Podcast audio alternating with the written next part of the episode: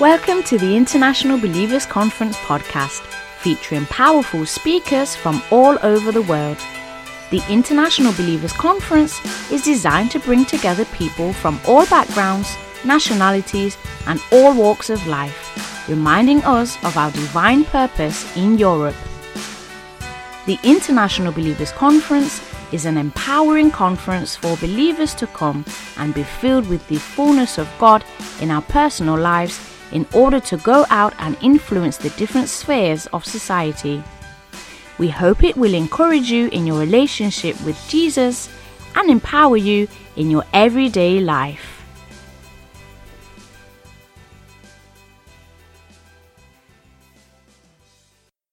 Yesterday, I took you on a marathon journey, and uh, I hope you survived.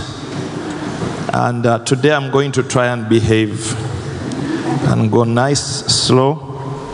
But there, please don't bet any money on that because things excite me and I fire away. I uh, want to again say that the purpose of IBC is not to have a conference moment, but to year on year build a momentum, uh, build a movement of uh, nationals, internationals that God has gathered across the diasporas of Europe, particularly, for us to ignite our true identity, put on the glory of God, arise, and together strategize for impacting our neighborhoods, our first of all transforming our lives, finding our identity, and impacting these cities that God has sent us to. So please be a good steward of the truths that you hear from here. Uh, we've been privileged to receive a ministry from um, Dr. Pat Francis, and our vocabulary has changed. We now have added uh, glory to Shekinah glory. Shekinah glory is a shining, it's a usually an exhibitive shining of the glory of God that would show up as a light. But Kalil glory is when that glory enters your life and transforms you from weak to strong from defeated to victorious. So it doesn't matter how great God shines, if He cannot empower us to arise, then it's all a, a shining display with no purpose. And so I hope you are making notes. Uh, on these things. Uh, I want to just breeze over some of the things I said last night. How many are joining us for the first time today? You've not been, oh, let me say, joining me for the first time. You were not here last night. Let me see how many newbies I have. One, two, three, four, five. Okay, not too many, but it will be profitable either way for those that were here and those that are just coming to just browse through things. I am pursuing 100% answered prayer. That's the slogan of my life and ministry. I, I believe that if your neighbor can experience 100% answered uh, prayer, everything will be so beautiful. Yeah, and so uh, my passion is to find out missing ingredients in the in the Christian walk and experience. Uh, recently, I started cooking again. Uh, can you imagine me in the kitchen? You need to see me in the kitchen. Uh, I cook with Google's help. So the phone is normally on the side with Google open and I have to consult Google. We cook together. And we've created some amazing dishes, just about edible. And uh, I asked Google what ingredients go best with lentils. And then I taste, usually after I put things together, I taste and say, mm, what's missing? What could be missing? And then, oh, let me try, um, uh, let me put paprika. And so I get some paprika and I put it in and I don't measure, I just add according to my inspiration. And then I taste and say, mm, what could be missing? Ah, salt. you know? But how many of you can imagine a scenario where you're making chicken stew and you're asking what's missing, and then you, you realize it's the chicken missing? That's where the problem is. The main ingredient has not been added to the stew, to the broth. And my concern is sometimes in the excitement of churchianity, we sometimes miss the and end up with the accessories. And so uh, it's these things that uh, move my spirit. And I believe that God has given us some really winning ingredients. So, prayer, transformation, and miracles, I believe, is the assignment of the church. We are sent by God into our realms to reconnect to Him who sent us by prayer, to be transformed in our inward person, and then to transform our environment through miracles, signs, and wonders. So, this is the summary of the Christian life prayer, transformation, and miracles. And we agreed that while we are here, we won't just talk miracles, we will experience them. So I hope your faith is high. Yeah? So we started by saying we need to redefine prayer. Prayer has been Pentecostalized into standing in one place and babbling in tongues, or walking about punching the air, and just rattling off in tongues, or rolling off a list of needs to God and I believe, I can't go deep enough in this, but true petition prayer comes out of incubation. You first incubate with God before you petition. I wish I could go deep into that, but it would diversify me. You take me somewhere. I think I'll come back to it when a verses that I want to close with.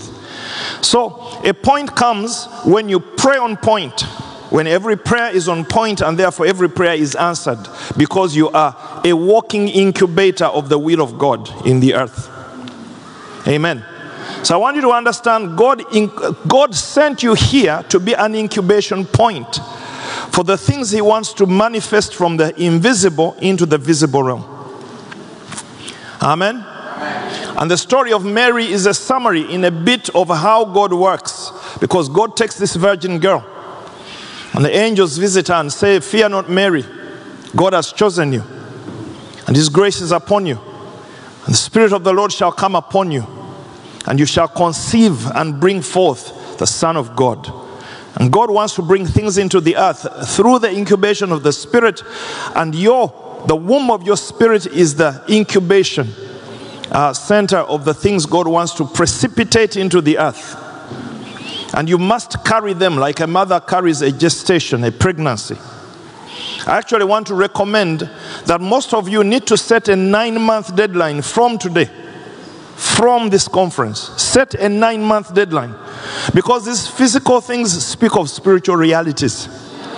And I do not think the nine months of a woman's pregnancy are just a, a, random figure. I believe they speak of spiritual realities that God perhaps wants us for more than a year to incubate and carry things and then bring them forth into the earth. Are you hearing me? So set a nine month deadline. I wanted to stir you up prophetically. So tell your neighbor, nine months from now, you won't recognize me. Amen. Yes, yes, yes, yes. Let us learn to become impregnated by God for us to carry things in our spirit. And so, my definition of prayer is true prayer is walking with God, interacting with finished, invisible realities as though they are. God raises the dead and calls things that are not as though they are. Even God does it. So God speaks of invisible things before they arrive. He announces the future now. And if He created us in His image and likeness, that means He wants us to learn how to begin to interact with invisible realities before things happen. You'll need to learn how to see your future before it happens and begin to declare it before it arrives. You declare your prosperity, you declare your healing, not in blind Pentecostalism, but in true spiritual revelation. Everybody here must become a seer. Amen. Lift up your hand and say, I am a seer. I see my future. I see my breakthrough. I see my healing. I see my breakthrough. I see my increase. I see my promotion. I see my well being. Let me tell you, friends, you need to switch off Netflix and switch on Jesus Flix. Yeah? too much media is blinding us from the spirit realm. We are watching too much entertainment and soothing our restlessness. Pastor Grace was talking about us becoming restless. Some of us, instead of confronting our lives, hide in media. We watch too many movies, we eat too much food, and we sleep too much. Trying to panacea, to sort of pain kill over things that we should enter the presence of God and catch a vision and see something in the heavens. So it is about finished invisible realities because we agreed that before you are sent on earth, you are finished. God first finishes you, then He starts you. It's a principle of art. Yeah? So, finished realities, my life is finished, and I must learn to interact with that finished reality before it manifests. Amen. Until it manifests in the spirit realm. Next slide uh, says the law of creation is this the principle in all creative endeavors is you must first complete a matter before you commence it. And so we agreed and so that everything that is designed is first finished by the designer before a single factory machine is switched on.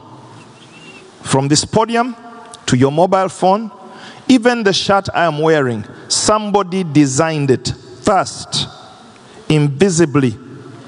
They then began to interact with the textile while it's on the, on the, on the, on the table and begin to think, where am I going to cut so that this shirt may come out looking congruent and beautiful. All things must first be finished before they are begun. Yeah? Check out your neighbor's hairstyle. I mean, you can check out mine as well. But mine is more the absence of it than the presence. You cannot go to a hair salon and tell the person, just throw hair on my head, let's see where we end up. There must be a vision first, a clear sense of a finished reality before we start. Otherwise, I'm not paying, I am out of this salon. Don't do experiments on my hair. And the ladies said, also, when you stand in front of a mirror, ladies, and you're going to do makeup, and you line out your tools, your various shades and brushes and pencils, and you already have a vision. As you stare in that mirror, you already know. And you say, Mirror, mirror on the wall. Who is the fairest of them all? And you say, It's me. And you have a clear sense of where you're going. By the time you pick up a pencil, you know where and why. Hallelujah. We first finish, then we begin. God works that way as well. So I want to speak to you. Your life is a finished reality before God. God is not perplexed about who you are or where you're going or what should happen to your life. God is always on time and He has a plan. It doesn't mean it always manifests. That's where our participation must come in. By principle, all creative endeavors must first be completed before they are begun. So we moved on from that slide to say that in the beginning God finished all things. That word beginning is not a very time word. It is, it is just a, a, a point of beginnings. And at the beginning, God finishes all things. Yeah? And we need to learn that, that, that everything that God wants to start in your life, you need to go back to the beginning, the timeless beginning. So we don't start in 2019, we go back to the beginning of beginnings. In the beginning, God created heaven and earth. In the beginning. In the beginning. So I gave you a, a, a good example of Michelangelo, the artist. And I'm an artist. I have a great taste for art. I mean, a great appetite for, for art. And one of my favorite uh, pieces of art is this man, David, uh, uh, sculptured by Michelangelo, who was uh, both an, an, an, an, artist in terms of uh, he was a sculptor, a, a, a painter, as, and an architect. This man is a man of shapes and, and structures. He carved this out of marble. It took him two years. Commissioned in 15, uh, was that 1505? 1504. Five foot 17, 17 feet tall, now valued at 200 million. But the block of marble that he started with was worthless, completely worthless until his fingers touched it, until he saw David in it. When you see value is added, When you see your life, value is added to your life. When you see nothing, you get nothing. And so we need to walk around the stone of our own shapeless lives until we catch a vision of possibilities. And that's what Michelangelo did for hours on end, day after day. He came and looked at the stone that was given to him. It was discarded by many artists, 40 years thrown into the dump. He said, I can make a glory out of it. But vision is what makes you see things where there's nothing. Vision sees full churches where there are empty chairs. Vision sees full bank accounts where you're overdrawn. Vision sees yourself alive. I will not die but live. And the devil has put you on a death threat, but you will not die because you're going to inspect yourself alive. You're going to see yourself alive. You're going to go into the future and see yourself jumping. You're going to see yourself alive. You've got to be impregnated by a vision of life until death dies in your body. Are you hearing me, God's people? You're giving me your Saturday afternoon feel, and I don't like it too much.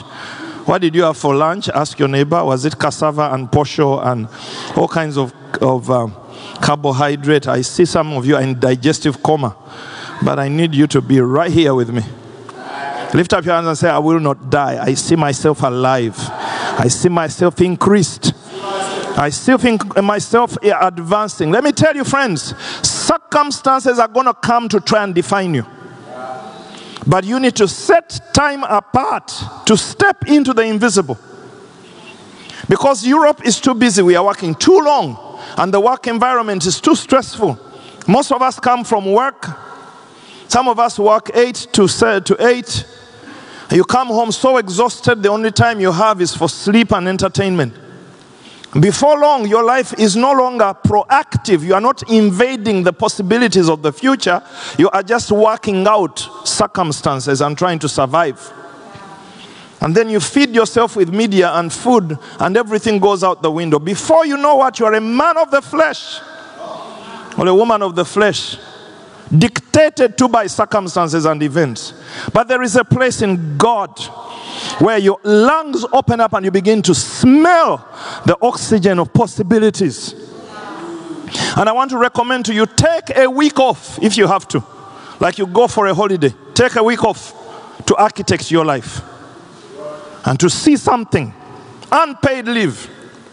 Hallelujah unpaid leave, and walk around your life. Open your scriptures and begin to investigate the will of God over your life. Say, Holy Spirit, speak to my soul and wake me from death, that I may know who I am, and I may stop being shaped by Stockholm or London or whatever dungeon it is that you are living in, we need to sign out of the flesh and sign into the spirit.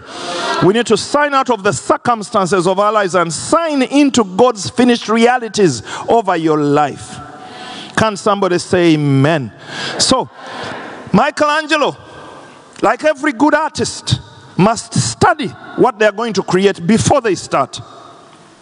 So we saw the, uh, the ceiling in uh, that little chapel, a Sistine Chapel in Rome, not a little exactly, but fairly small.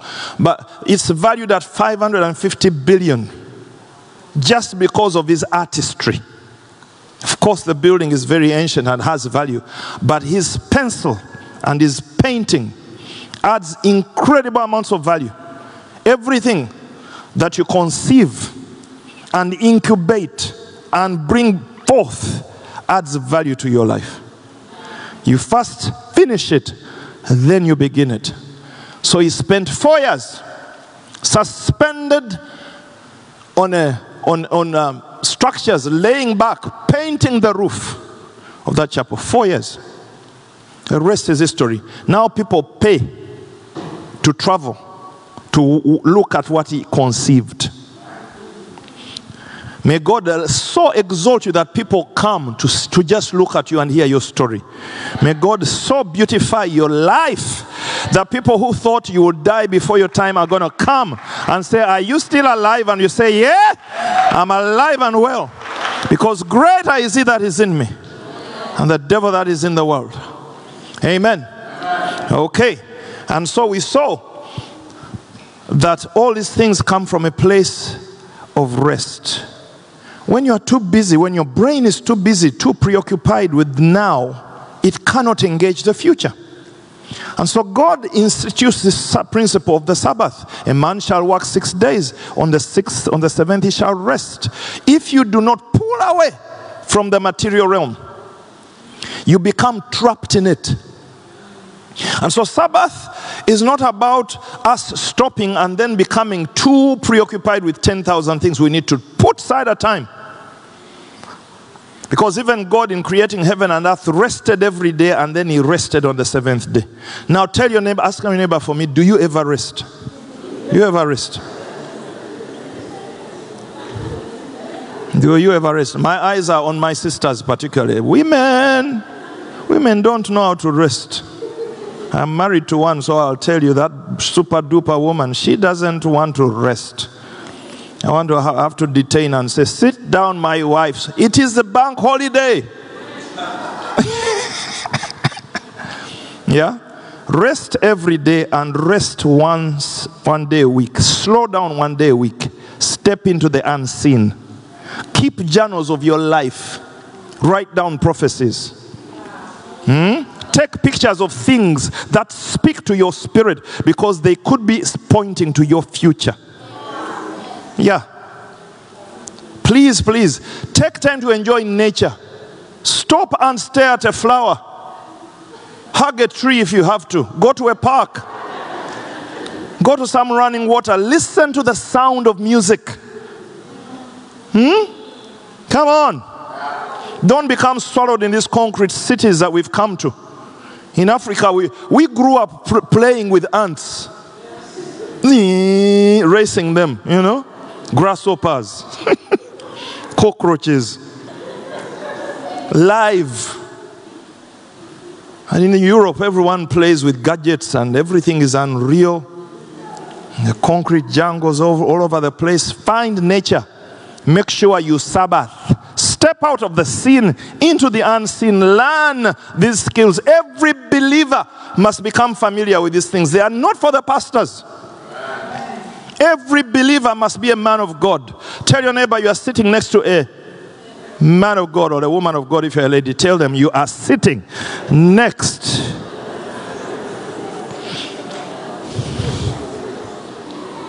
Yeah? I don't mind being called man of God, but if me being called a man of God makes you a pew sitter, I resign from it myself. Let us all pew sit. But God wants us all to be lifted up and to step into fruitfulness. Okay, am I taking too long again? First full day of Adam was a Sabbath. Understanding transformation is where I began to turn this around last night, and I showed you the transformation, the inward change. And I found, and my wife and I have been concerned, that in years of ministry, you find people stop growing, people stop changing. You know, and you find a Christian is trapped in fear for 10 years. And they go from prophet after prophet, deliverer after deliverer. And people pay money. These days there's anointed soap, anointed rice, anointed, you know, we are trying to wash off physically what should be accessed by prayer. And people are collecting taxes off you when you are you are a loser. When supposed men of God begin to collect taxes off you because you cannot build your own discipleship. Some people say I'm a very hard preacher. Please forgive me. I came to do some work today. In Jesus' name. Lift up your hand and say, I resign yeah, from holy soap, holy rice.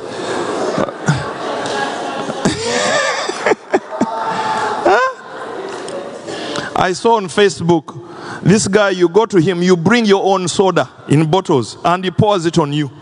Wow. That curses may come off you and you walk off a sticky mess because you are so ignorant of your own life and somebody is drenching you in your own money sending you home full of sugar because you don't understand we are here to turn these cities around i hope you hear my heart god's people so transformation let's move on to the next one so i am is more important than i have God wants to make you rich before you get a coin in your pocket. A miracle happen, happens in your soul. I am that I am. That is the name of the Lord. And if He made us in His image, we should be able to say, I am that I am. Paul says, By the grace of God, I am who I am. I am an apostle by God's grace. So the I am must be bigger than I have.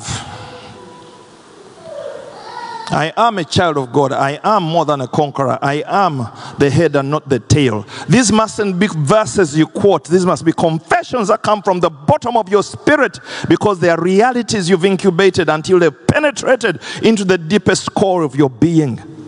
That's what I want to spend a moment today talking about how to embed the scriptures in you that you become a walking Bible. The Bible was not meant to be in your phone or on your iPad, it was meant to be built into your bones and into your sinews and into your structures. Your nails are the Word of God, your hair is Scripture.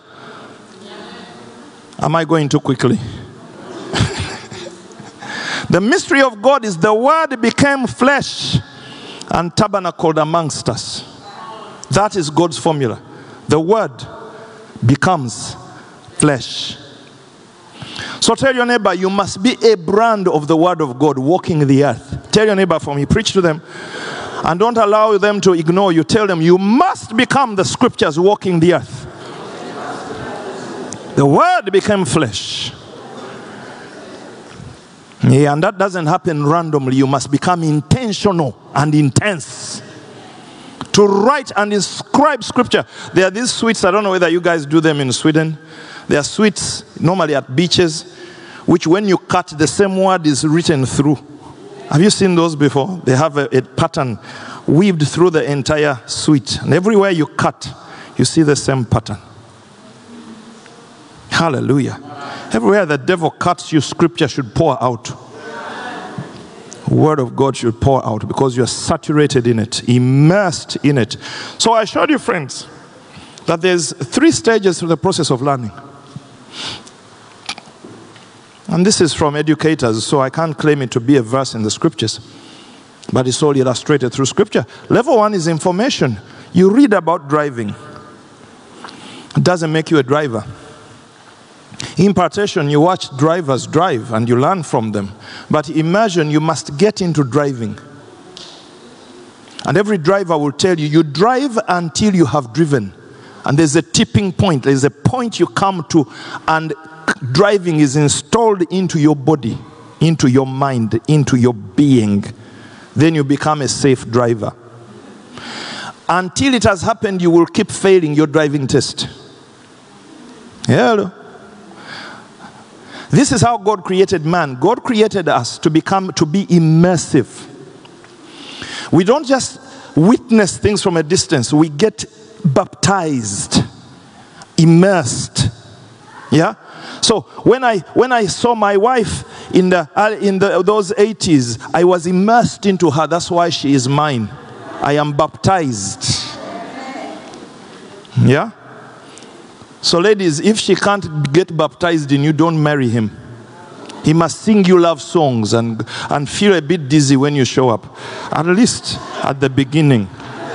He must get baptized. How come? How come you don't drive him crazy? Huh? Okay, nobody gave me an amen. That's fine. Immersion is so important that after three years of miracles and teaching, Jesus tells the disciples, Go nowhere until you experience an immersive encounter with the things that you've been seeing and reading. The author of it must soak you to your core. And they sat in the upper room waiting for an immersive experience because education does not create transformation. Education is the foundation for immersion. So I read about driving, I watch people driving, then I drive until I have driven. In the learning of languages, you read languages, you read French or Swedish. And how many know? Some of you here came from uh, English speaking countries and God sent you to Sweden. And here you must learn the language. I know a few words. I know hey and hey do. That's enough. oh yeah, and tuck. And then there was a drink we were drinking called fruit sopa. and York.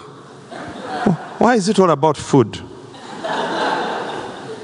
Because you see, food is immersive. You cannot eat food politely, it, it, it invades your being, the taste, the experience. So, friends, imagine, everybody say imagine. Yeah? So, you read Swedish, then you speak to Swedish people, and you hear the intonation, and you learn the accent by listening to others, not just reading, and then you speak it until you break through. And that's immersion. Until you are immersed in something, you cannot master it. Now, Christianity is meant to move from information to immersion. And most of us are trying to run Christianity off information. We think reading a book here and randomly hearing a sermon there will transform us. No, we need to move past information and get impartational. We need to attach ourselves to people who are praying and pray with them and, and not just hear prayer, but pray. Pretend you are praying. Walk like they walk. That's how we learn to pray. Impartation. I want to go deep and then I go into immersion. I pray until I prayed. I pray until my tongue hurts. I pray until my tongue heals. I pray until I sweat. I pray standing. I pray sitting until prayer is installed into my subconscious. Now I can become a powerful believer. Faith has got to become subconscious. Let me show you the process of how. Uh, things happen into the subconscious. Uh, we have had a few glitches on projection, but God, God will help us today. Let's believe. Can you, can you find me? Yeah, after all that, I think there's another slide after that. Okay. So I'm just making the point. Most Christian learning stops at information. You know about faith, you just can't exercise it. You know about healing, but you're sick. You know against depression, but you are depressed. It means you have information, but not immersion. So today, in Jesus' name, we are sowing seeds of immersion, and diseases are going to die before anybody lays hands on you. And this is Pastor Wilberforce's testimony. God healed him of a 20 year old plus disease by immersion. Took the word of God and stepped into it until his genetic code was reprogrammed. There are things no one is going to chase out of your life. You're going to drive them out yourself. For a truth to be absorbed into your being, you need to interact and immerse yourself into it for a minimum of 24 to 72 hours. And I'm not talking about one day, I'm talking about a spread period in which you immerse one hour, two hours, three hours, one hour, 30 minutes, and you total up the hours until. Can I go into science a bit? Let's go into science. Let's go to the next slide. Okay, I want to share with you about competence. Everybody say competence. Now, this is education and psychology.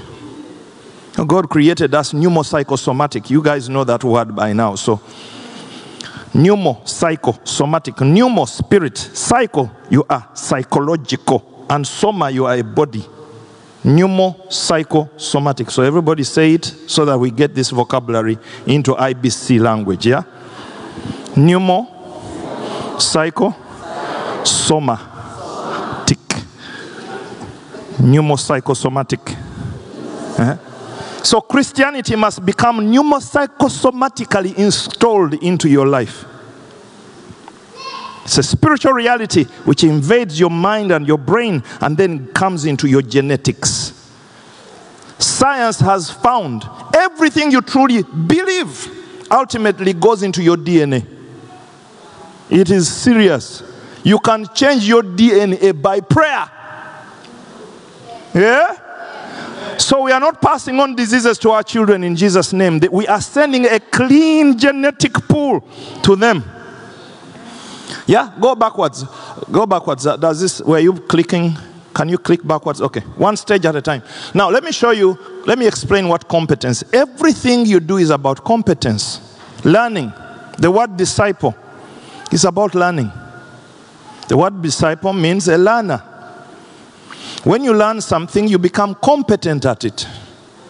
So we just had a great worship session. And you see these guys sitting at keyboards and bass guitars and drums, and they are playing, and some of them are even looking around. They, they are competent because they've done it until they are immersed. So, immersion is the ultimate place of learning. You play and play until the thing is installed into your system.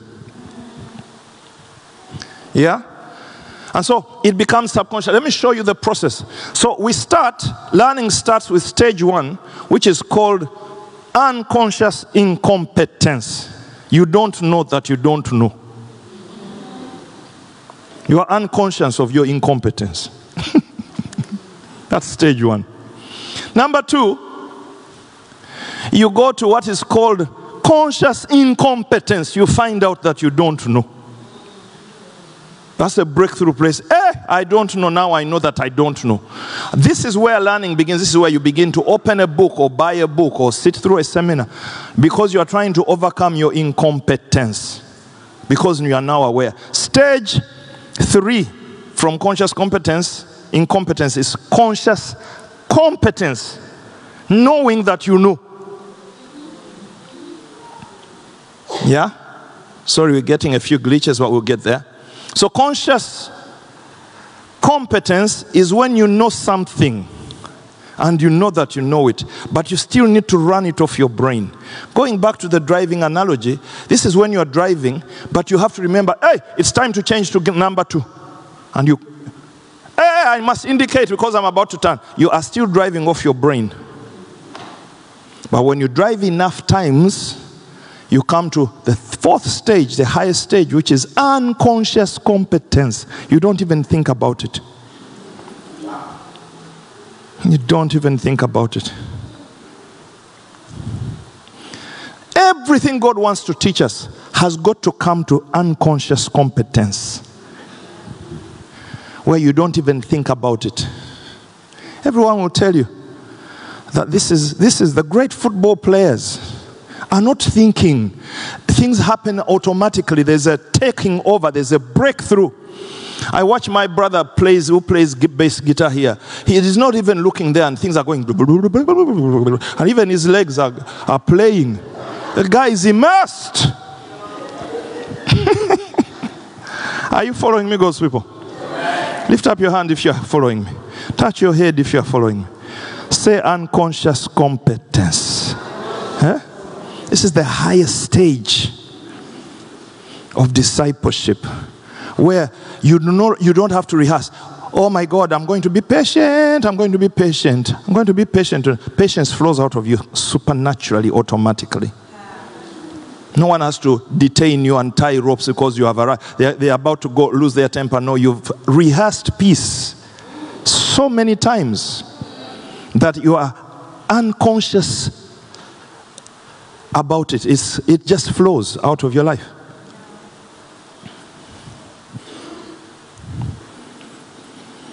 Everybody say unconscious competence. Okay. This must be our passion. This is how Christianity must be lived. Today I just came to be a classroom teacher.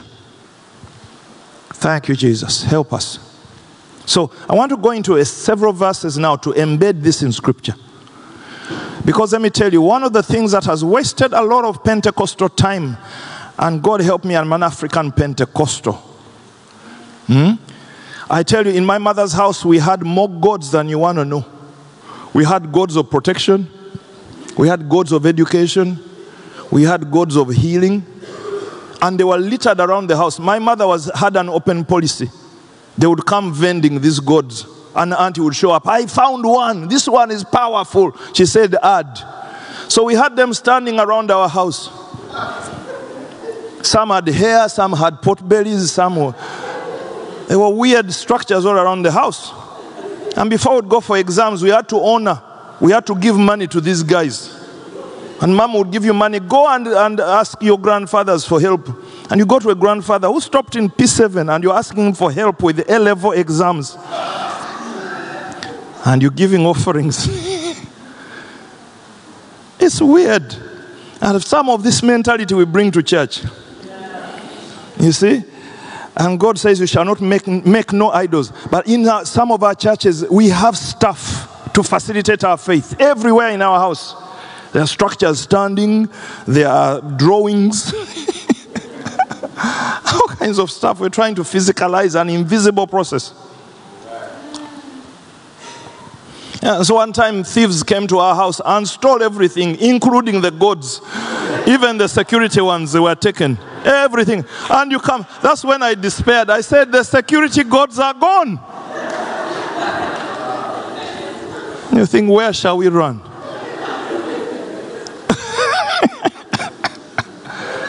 Are you with me, God's people?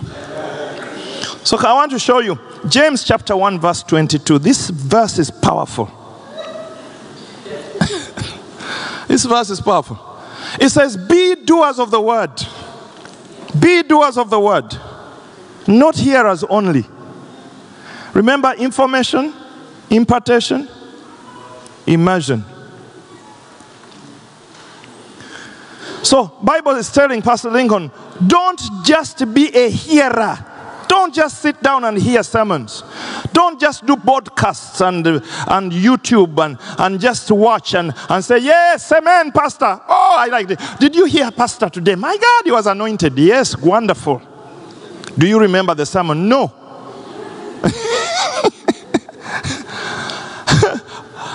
Be doers of the word, not hearers only, deceiving yourselves. And this is where uh, there's been a, a, falling away from the church. People are confused, people are tired. Yeah? People are tired of church. People are tired of tithing. People are tired of worship. People are tired of prayer because they are deceiving themselves, thinking that somebody has the key to their life. Hey, I have lost a few friends. Not even IBC is the key to your life. IBC is an equipping vehicle by which we put keys into your hands that you may get up and find your glory. Yeah? So the Bible is saying, do not be deceived. Do not deceive yourself. Be a doer of the word, not a hearer only. For if anyone is a hearer of the word and not a doer, he's like a man observing his natural face in a mirror. For he observes himself and goes away and immediately forgets what kind of man he was. This is what typically happens. And I'm preaching to me first. I sit through great sermons and I, says, I saw myself when that guy was preaching because the word of God is a mirror. And when somebody's preaching, you say, I recognize that. That's me, that's me, that's me. That's why you say, man, it is not charismatic, charismatic king. It is, it is serious. That when the word is preached, it kicks in your soul. And you say, That's me, that's me, that's my healing. Then when the service ends, you hug Brother Peter, hug Sister Sue, and then you go for tea. And then you get on to tea central and whatever you pronounce it like. And then you go to Netflix and Amazon. And then your employer tortures you the whole week. And by Friday, you don't remember nothing of what was said to you.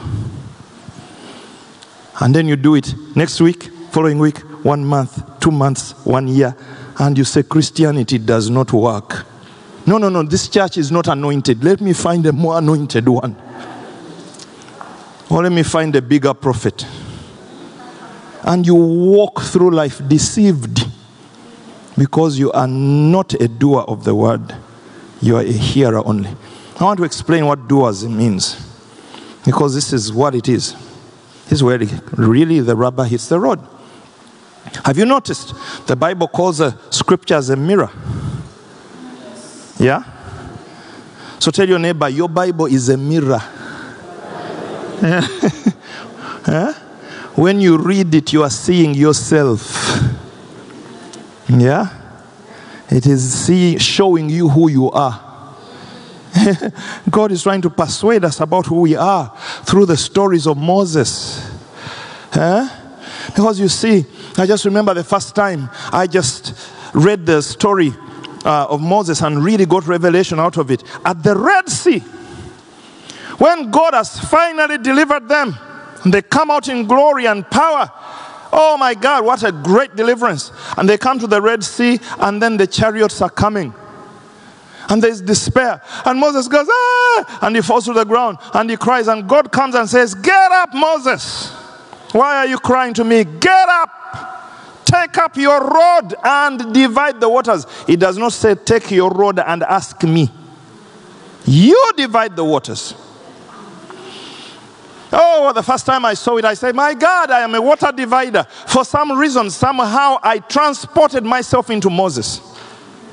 And suddenly I began to realize I need to stand in the storms of my life. When the chariots of the devil are against me, and I know the goodness of God has brought me to this point, but now I'm trying to be destroyed by circumstances. And God is saying, Do not call on me, get up. Understand, I am the one who set you free in the first place. You need to rise and pick up the scepter of authority that I've given you and stand against the structures that stand against you and divide the waters. Ah, now I'm realizing I was seeing myself in the story of Moses. Yeah? The scriptures are written to show you you. Yeah? Not to inform you of what happened 3,000 years ago or 5,000 years ago. That's where we begin to deceive ourselves. When we hear good stories and shout amen, but refuse to place ourselves into the story. So, every story in the Bible that is a breakthrough story is a story about you. God wants you to see yourself and to continue. You know, when you stand in front of a mirror, ladies, like I said, you stay there until you are the prettiest woman on the street as far as you can persuade your, your face to collaborate. You stay there until it's finished. You stay there until it's finished. So God has been teaching us here at IBC that the way forward for the child of God is to invade the scriptures with a new eye. And now I am not going to stop. I'm not going to continue displacing myself from the Word of God. The Bible is there. I am here. No, I immerse myself into what I am reading immerse myself. When it's Moses, I become Moses. And I'm now copying and pasting that scenario into my modern day scenario. I see myself parting the Red Sea. I see myself destroying the powers of darkness. I see myself anointed. I see myself as Elijah. I see myself as Spirit of the Lord is upon me. God has anointed me to preach good news. I see myself. I must see myself until I become what I'm seeing. It is a miracle that happens in your mind, in your soul, in your spirit. It moves from you starting from conscious comp- incompetence to unconscious competence. And so I tell you, friends, I have worked every miracle in the Bible. I have worked every one of them. When I read the Gospels, what did Jesus say about miracles? He said, The works, whoever believes in me, the works that I do, he also shall do. So, what do you do? You start from Matthew chapter 1. Amen. And you read the Bible different. You, you can read through initially for information's sake. You can even read through impartationally. And I realized my own spiritual growth stopped at impartational reading. And I think impartational reading brought me to pastoral ministry.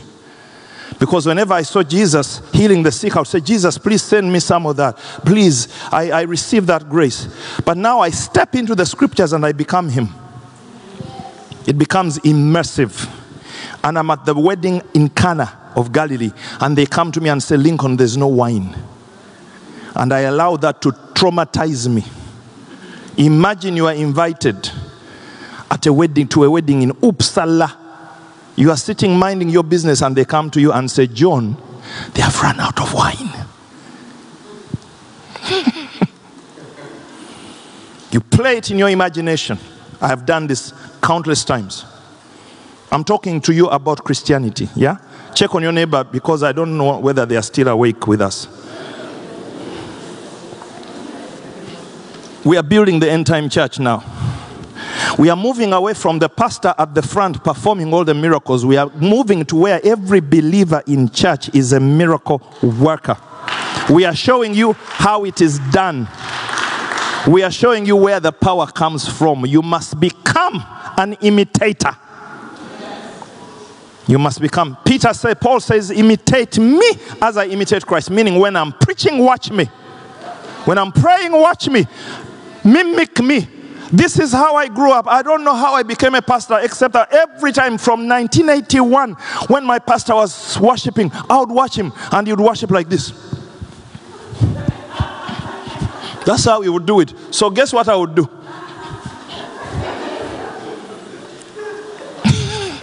I was so hungry. I thought, this guy is anointed. What is it? And so I, I level myself to him. I imitate him. I copy and paste. I'm not talking about cheap imitationism. I'm talking about passion and hunger and thirst. I said, God, I want what you are doing in that man's life to become my experience.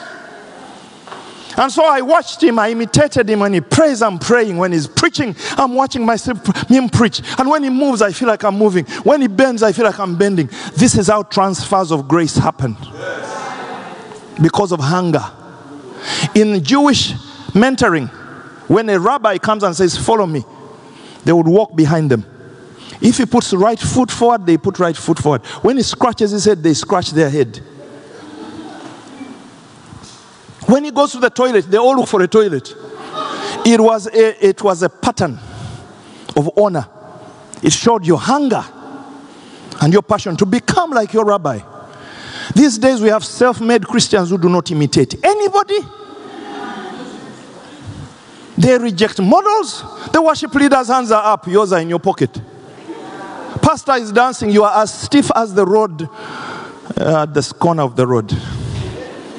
Are you, are you following me? When my pastor dances, I dance because I don't know why is he dancing. I just so hungry. I just want everything he has. are you hearing me, God's people? If you're hearing me, clap your hands and wake your neighbor up. This is how impartation works. In the 80s, I went and watched Morris Cerullo preaching. I watched him like a dying man. Something was coming off his soul, his spirit. And I sat there and said, God, what is this? What is this? But I don't just watch. I watch and I catch. I watch and I emulate. I watch and I align. Once you create distance between you and the anointing, you will never get anything. You will catch nothing if you create this second hand. Those ones they have, ah, see, we just receive. No, no, no, no, no, no, no, no, no, don't, don't, don't, don't, don't, don't, don't, don't, don't, don't. Step into what is going on. Step into what is going on. Step in. Let you, people see you standing and they don't know why you're standing. Something is happening in my soul. Something happening in my spirit. I want to be like that man, and I'm drawing from him. That's why. Yeah. I don't remember what I said, Pastor. When you keep putting a distance between you and the people that are anointing and think those ones, you will never catch nothing. You'll never catch nothing. That's why Elisha chases after Moses, after Elijah. Hmm? Oh, God has called me to go to the Jordan. You stay here and become the Bible Institute leader of. No, I don't want titles. I don't want honor. I want you. I want what you carry. Hey, oh, stay here in Gilgal. I'm God is no, no, no, no, no, no, no. I'm coming with you. And he was in the principles of the of the uh, things that I'm telling you, the uh, the rabbis. When Elijah puts forward right, he also puts forward right. When he scratches himself, so he comes to the point and he says, "What do you want? I want a double portion of what you have." You've asked for a hard thing. These things don't happen. People don't catch anointings. People don't catch nothing. They just sit back and drink, drink. No, you want something difficult, Elisha. You want something difficult. Do you know there were sons of the prophets and they all stayed at the schools? There should have been a whole army following Elisha. But they were all waiting for graduation day to get a certificate. And Elisha leaves them, they come. Do you know the Lord has revealed to us he's taking your master? Do you know he said, I know, shut up. I know what I'm doing. I'm chasing after this thing. I'm going to imitate this guy until I draw what he carries. Yeah? So Elisha gives no details, him, But if you see me, if you see me while I'm going, you will catch this. He was giving him a test. Because unless your spirit eyes learn to open and you begin to see into the invisible, nothing comes to you. You've got to see the invisible. The translation of Elisha, Elijah was an invisible event, and God is Elijah. Elijah tells him, if you can see What eyes cannot see, you already got it. You already got it. My friends, you see me preaching here, there are about 10,000 preachers preaching. Because when I watch TD Jakes preaching, I become TD Jakes. And I go, hey, hey, like. Hey. I become him. I become him. I become him. I become him. I watch him. I listen to him. I say, why did he approach it that way? Why did he see? What did he see, Lord? Then I watch somebody else preaching and I become them. I become them. I draw from them. I draw from them. I was a shy, constipated preacher. I would stand in one place like this. Constipated. Preach my sermon.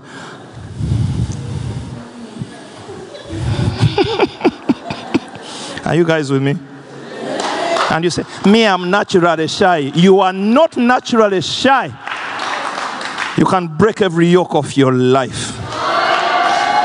You can break every yoke of your life. But you've got to follow the principle of imitation. So you, you are a doer. When you read the Bible, you do it right there as you're reading it. You are a doer of the word, not just a reader of it. So when Jesus is walking on water, so am I.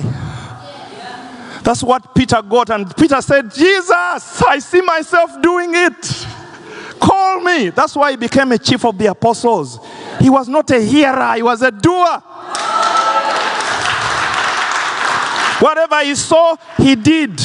When Jesus is feeding the thousands, I am imagining it. Bread is multiplying out of my hands. And a change begins to happen in my spirit. A change begins to happen in my spirit as I rehearse the works of God. Are you with me, God's people? Where is the time, Lord Jesus? I have 10 minutes to send you away. So tell to your neighbor, tell them, be a doer of the word. Stop reading. Begin to be a doer, a doer, a doer, a doer. Whatever you read, you do. You do in your imagination. You do it in your imagination. And I'm sitting at the Cana, the wedding at Cana. I'm saying, fill those pots. And I'm thinking, what does that look like in London? I'm thinking, what does that look like? I would say, put out a new round of glasses. Something is about to happen. Fill the glasses with water. Something is about to happen. I rehearse these things until my soul bursts from fear to boldness. Hmm? Rise up, take your bed and walk. I rehearse it.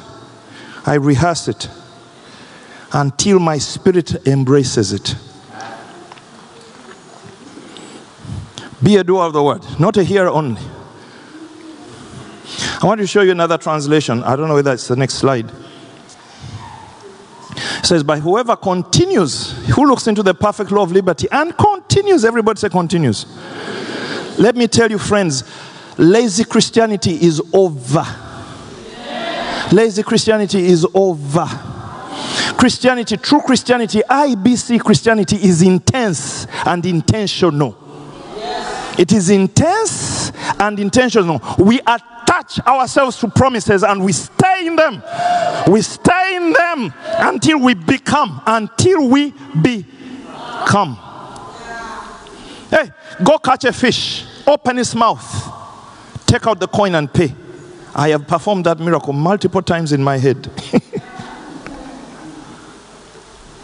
And what does it do? It makes me become. Because my master said, The works he does, those who believe in him shall do. That means Jesus was saying, Watch me and see yourself. You see, so when a Greek man writes, he writes to educate. When a Jew writes, he writes to create an experience. Understand the difference between the scholastic styles. Greeks teach to educate. And the whole education system of the West is built on Greece. We are not sons of Greece, we are sons of Israel. A Jew writes that you may experience. So they don't write that you may step back and read. They step they write that you may step in and get immersed.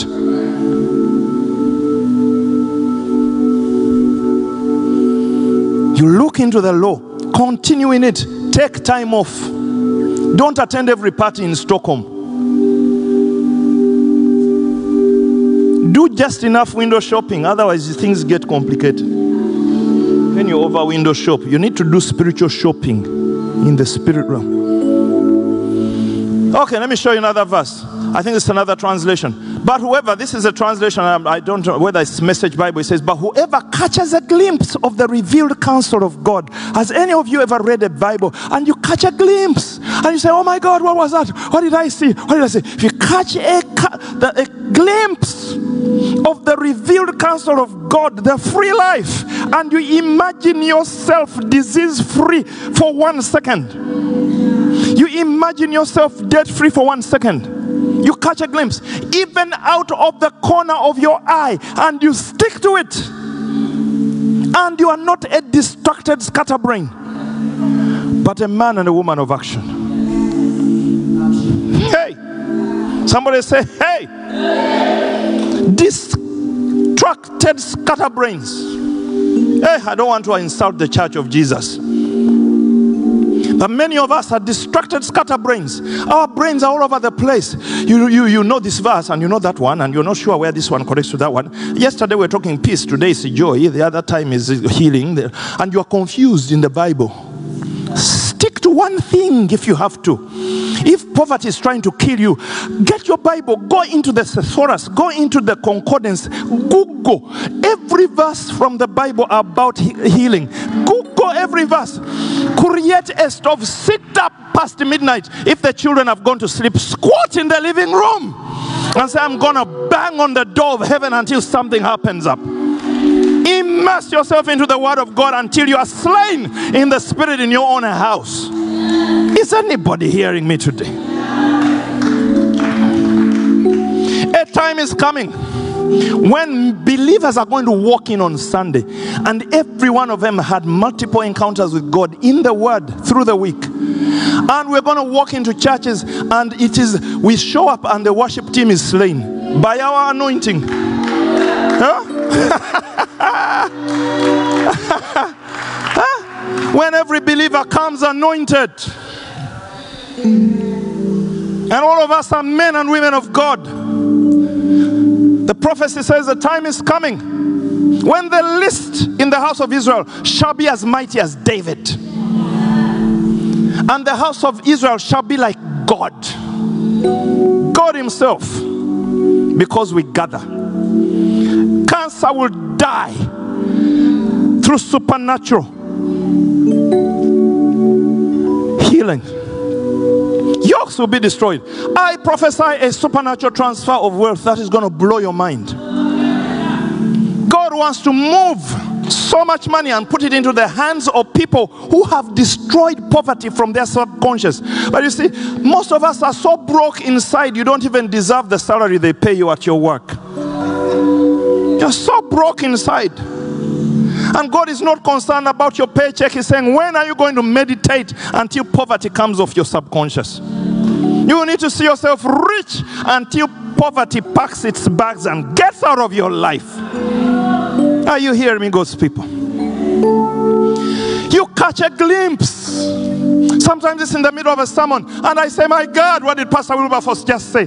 My God, what did Dr. Pat just say? And I'm frozen right there, and I'm opening my Bible and my, my iPad, and I'm typing away because I've caught a glimpse of myself and the freedom life that He promises.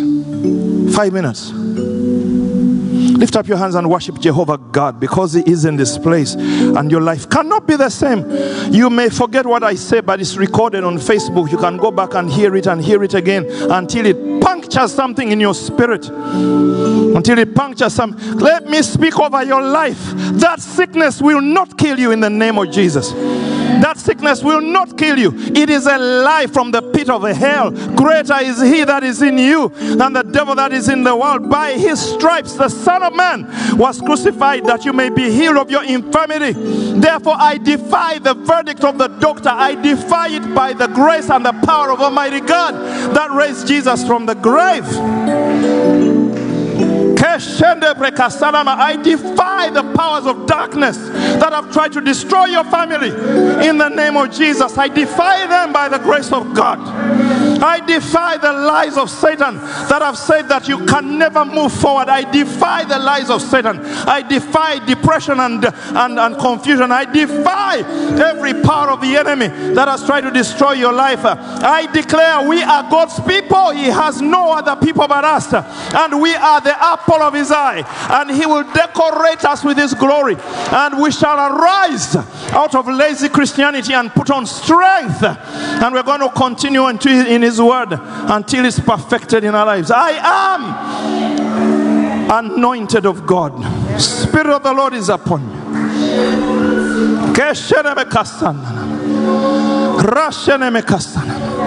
Permit me to give you two more verses and I get out of here. Two more verses. Show me, my friends, the next slide.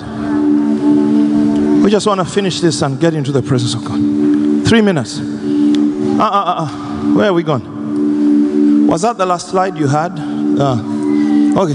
Jesus, look at John 8 31. Jesus said to those Jews who believed in him, How many of you believe in him? Jesus stands to the Jews who have believed in him and he says, If you abide, what is abide? Remain, yes. stay, yes. linger. Abide in my word. You're my disciples indeed. That means they are disciples and they are disciples indeed. The indeedness comes from abiding, going beyond information and getting immersed, and you stay in the scripture until it comes alive. You stay in the scriptures until it becomes a visual. John 1 1 says, That which we was from the beginning, which we have seen with our eyes, that we have touched with our hands, that which we have proclaimed. The, the apostle is trying to show you that the scriptures to him are not a joke. When, they, when he reads them, he sees, he looks upon them, he touches with his hands. Hmm? You are my disciples indeed. You shall know the truth after you abide. Then you will be set free. Amen. Now you understand why many lines, healing lines, are a waste of time. I'm sorry. Yes, I'm sorry. But many times we are queuing up. We have exhausted men of God. We have created false prophets because we have showed them that we will not dig our own wells. We just want somebody to dig their own and give us some of their water. They have become liars and cheats because they are trying to satisfy the demand of dry, bankrupt believers who don't know how to abide in the word. In Africa, God deliver us. Our portion is not lies. And I declare the world has not seen what an African Christian can look like. Not yet. We haven't written ourselves yet onto the global map. Too much poverty and too many lies. I rebuke that heritage in Jesus' name. Amen. If you abide in my word, and my word abides in you, you're my disciples indeed. You, you shall know the truth, then freedom will come. Some of us think freedom just comes by hearing a verse. No, you must wrestle with that verse like Jacob wrestled with God all night until it bears its fruit in your life. Go to the next slide, my sister. I finish. Listen to this John 15. If you abide, we are back. Everybody say abide. If you abide in me and my words abide in you, you will ask what you desire and it shall be done for you.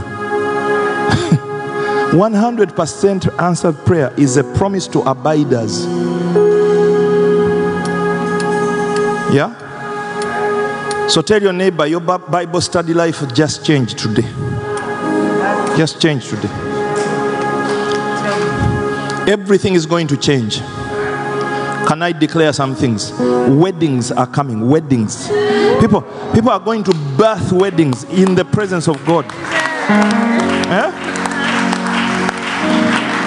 I am, I am called the wedding pastor. I want weddings. My daughters must get married. I am tired of brothers who can't make up their mind. I want brothers to get into the word until they find their wife. We shall raise children in righteousness. Amen. Going to build breakthrough churches. going to touch our nations and transform them. We gather the wealth of these cities. You know, the Bible says the wealth of the earth. Hmm? God has given sinners to work hard. It's in Ecclesiastes. He even empowers them to work hard and gather these economies and create these storehouses, all these banks and the structures. They are waiting for the church to wake up. God says He's given them power to work and to gather wealth that He may move it into the hands of the church. But instead of us being, as the Bible says, God has given to, to the, to the righteous knowledge, wisdom, hmm, and joy. Those are the three stewardship of the church knowledge, wisdom, and joy. And then He will transfer the wealth of the wicked. God will not move money to depressed people who are ignorant. Lift up your hand and say, I have the wisdom of God, I have knowledge, and I have joy. I am ready for wealth transfer. Please stand to your feet. Receive it, give the Lord a round of applause because time is gone.